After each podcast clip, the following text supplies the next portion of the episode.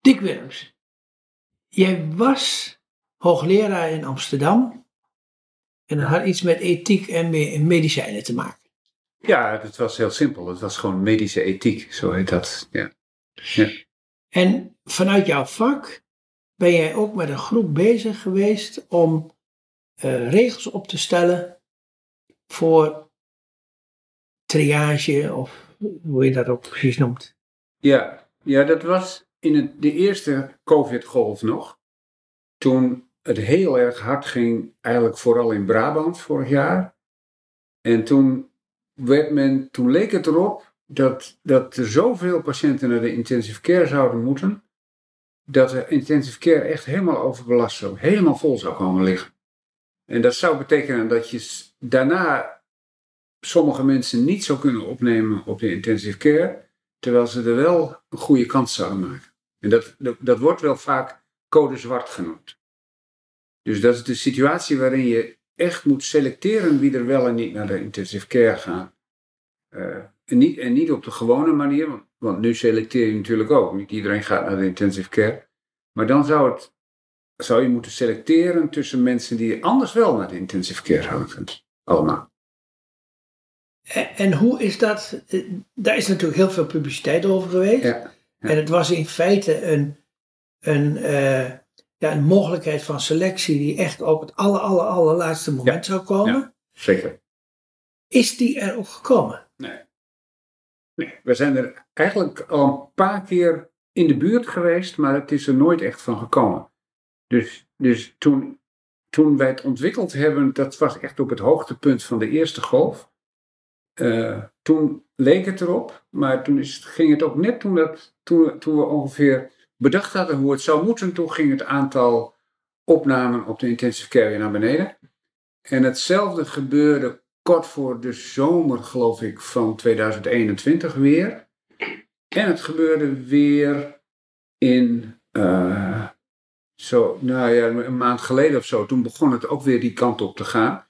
En we zitten eigenlijk nu Een ook... maand geleden is december. Hè? Ja, zeker. Dat is in december 2021. En we zitten nu nog steeds in een situatie. Het, het, lijkt, het gaat nu eigenlijk wel weer wat naar beneden. Het aantal mensen die worden opgenomen met COVID. Op de, dus de, belasting, de bezetting in de intensive care die wordt minder. Eh, maar we weten het eigenlijk nog niet zeker. Want we weten eigenlijk nog niet goed wat die Omicron variant, die nieuwe variant van het virus.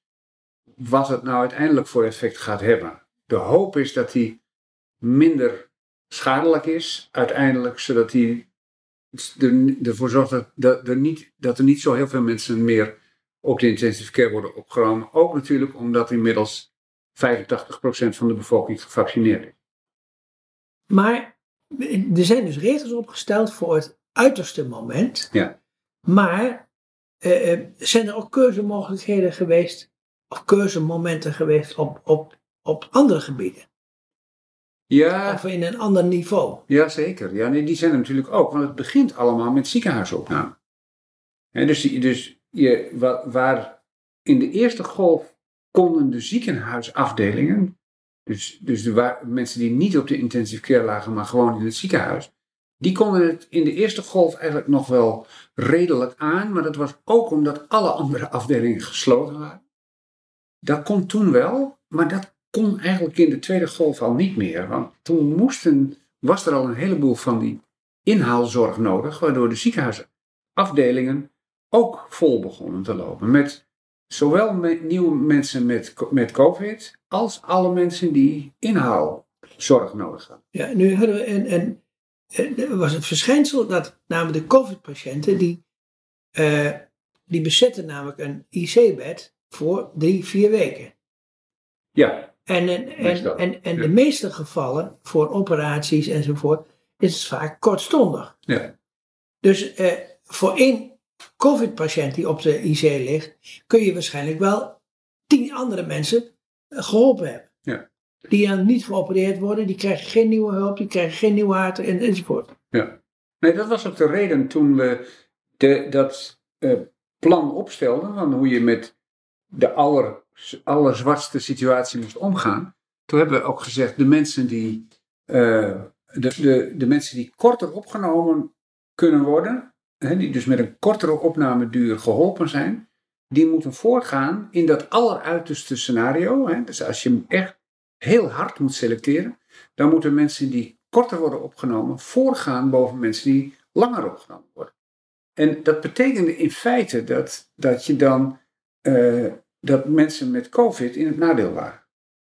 In, in die situatie. Want die zouden, eh, die zouden dan vaker afvallen omdat hun opnameduur vaak heel lang was. Die is ook wel wat minder geworden overigens. Maar, is dat terecht? Ja, ik, ik vind dat helemaal te verdedigen. In zo'n extreme situatie. Hè? Dus als je, als je zegt, van, we, we, we zitten, de, alle IC's zitten vol, er is ergens nog één plek. En er zijn twee patiënten. En van de een weet je dat hij drie, vier weken moet worden opgenomen. En van de ander weet je dat hij met twee dagen er weer af is. En dan is de plek weer vrij. Dan moet je degene van twee dagen opnemen. En niet degene die zo lang. Ja, maar moet je dan ook uh, een, een, een hartoperatie. Uh, kan die dan wel gedaan worden met twee dagen IC? Ik, ja, dit, nou ja, dat is wel een, een belangrijke vraag. De, dat moet denk ik wel. Want we, je komt. Uh, op een gegeven moment loopt de IC zo vol dat er ook van allerlei dingen niet meer door kunnen gaan, die wel moeten. En daar zit soms wel een beetje meer rek in. Zo'n hartoperatie kan soms wel wat langer worden uitgesteld, maar niet eindeloos. Dus er komt een moment waarop je moet zeggen. Ja, maar daar wil ik het nou ja, juist over hebben. Nee, want we hebben vorige, vorige maand hebben gesproken met uh, uh, Marit Maartman, de, de, voorzitter van de NOG. En uh, hebben die dilemma's ook besproken over van uitstellen van operaties, uitstellen van behandelingen. Ja. tot hoe lang kun je dat doen? Hè? Want, want op een gegeven moment is het zo van. Ehm, dan zegt op een gegeven moment kan een patiënt zeggen van ja, ik ben mijn gezichtsvermogen is dusdanig afgenomen omdat ik niet behandeld werd. En dat komt omdat er mensen zijn die niet gevaccineerd zijn. Oké, ja. Nou, even, even. Dat is zeker zo. Dat, dat, uh, dat het, het, kan zijn dat iemand dan niet, in zo'n geval niet behandeld zou worden. Maar, kijk, er zijn. We hebben eigenlijk twee plannen gemaakt. Het ene plan was voor als de intensive care vol zou liggen. Het andere was voor als de ziekenhuizen vol zouden liggen. En toen is er eigenlijk afgesproken. En dat plan heeft veel minder publiciteit gehad. Mhm. Maar toen is er afgesproken dat je onderscheid maakt tussen mensen die acuut geholpen moeten worden, ofwel, en dat kan om twee redenen zijn. Het kan zijn omdat ze anders doodgaan. Die mensen die, uh, die moeten voorrang krijgen, dat, dat kan eigenlijk niet anders, want die gaan anders dood. Of mensen die heel erg achteruit zouden gaan als ze niet snel geholpen zouden worden. En daar zou bijvoorbeeld zo iemand met bijvoorbeeld een netvliesloslating of zoiets, ja, die zou onder die groep vallen. Dus die moeten net zo acuut geholpen worden als alle anderen. Maar net, netvliesloslading hebben we vorige maand ook uh, gehoord. Dat, dat is gewoon, die acute hulp werd gewoon geboden. Ja, en dan heb je heel veel Maar, maar dan zit er bijvoorbeeld... Zal ik nog uitleggen hoe het met de andere categorieën is? Dus dit is de acute, echt acute categorie. Je hebt ook een categorie waar, die noemen wij dan kritiek planbaar. Dat is een, en die, die, de kritiek betekent dat het wel snel moet, maar niet binnen een dag of een anderhalve dag of twee dagen. Maar bijvoorbeeld, uh, dat zijn bijvoorbeeld dingen die wel binnen. Nou, de, de, de, de, de grens is dan dat die binnen zes weken moet. Maar daar zijn we inmiddels al nou, overheen. Tuurlijk, als we daar overheen zijn, met mensen die over die zes weken uitstel heen zijn, dan worden ze net zo acuut als die andere groep. In mijn opvatting. En dat is iets waar we misschien nog wel een keer goed over moeten praten. Ja, maar wanneer, wanneer wordt iemand namelijk acuut? Want eh, iemand met uh, natte maculadegeneratie, ja. ja. die kan nu uh, sinds een aantal jaren, kunnen ze met injecties, ja.